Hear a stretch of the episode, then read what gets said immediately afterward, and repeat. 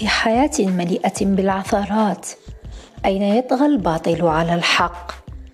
أين يجد الظالم ملاذه والمظلوم قبره؟ أين يسرق منا الموت أحبابنا ويأكل المرض أجسادنا؟ في الجهة المقابلة حياة وردية كلها فرح ونجاح وتألق. أين تجمعنا الضحكات وتربطنا الذكريات الجميلة؟ أين يجد المرء نفسه ويحقق أمنياته؟ بين الأسود والأبيض لتظهر الفروق وتوضع النقاط على الحروف. علينا أن نتحدث. لهذا سأكون أنا منار وهذا بودكاست عندما أتحدث.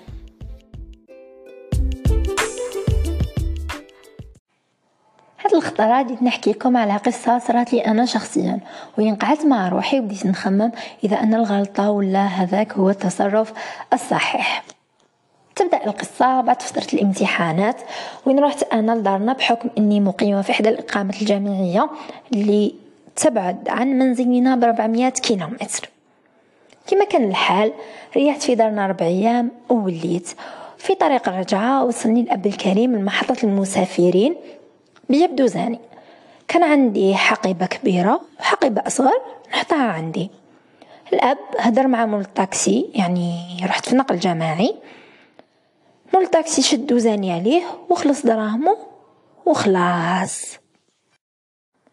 ودعت الأب تاعي وراح. وهنا مجريات القصة تبدأ تتبدل. نشوف مول الطاكسي يخزر في دوزاني. قال لي هادو بزاف. قال لي هذه سلعة؟ قلت له راك تمسخر بيا كيفاش سلعة وأنا étudiante قال لي صح أنا بزاف عليا. بقى يقول لي أنا كيفاش نرفدها وكيفاش ومنا. أنا قلت له خلاص ما نروحش معاك. هاد الهضرة كنت هضرها كي الوالد تاعي كان هنا. معناتها ماشي كي راه هو تبدا تنقرش وتقول آه ما نرفدش ما نديرش من بعد قلت له حبيتو تاكلونا مع إنه الحق تاعي نركب ونقدر نعاقبك لأنك ما ركبتنيش. رغم إنه عندك أماكن شاغرة. قال لي أهدري منا الصباح وضبحي وخليهم يستمعوك. ديري واش تحبي. أنا في هذيك الدقيقة تقلقت. قلت له إيه نسمع صوتي وما نخافش منك ولا من واحد آخر. معناتها تبهدلونا وحبيتونا نسكتو.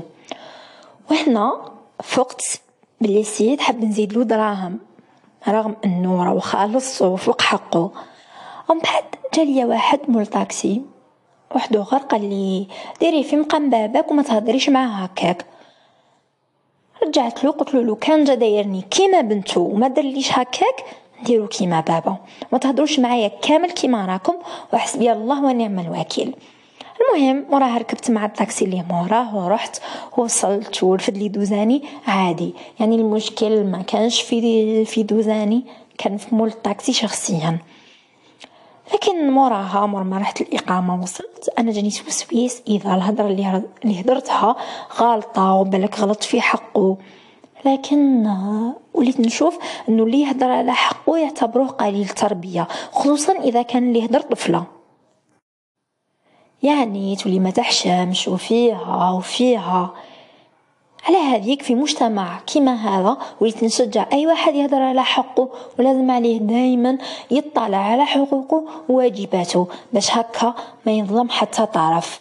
كما الحالة تاعي؟ إذا كان كبير السن من واجبه يحترم صغير السن وما يستغلش عمره ومكانته باش يحقرني في غياب الوالد تاعي ولا نولي وقحة الوقاحة أنك تقلل الأدب في غياب الموقف أو أنك تطلب حاجة ماشي من حقك.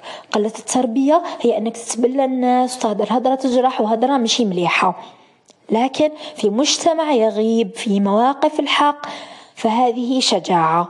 ودوما تفكروا أنه إحنا أمة لازم تنهى عن المنكر. نتمنى كل واحد فينا يخمم مليح قبل ما يدير أي حاجة ونتمنى أي واحد ينصف الحق باش نقصوا من هكا مواقف. ماشي في مجتمع عربي مسلم يضيع حق إنسان أو يظلم إنسان.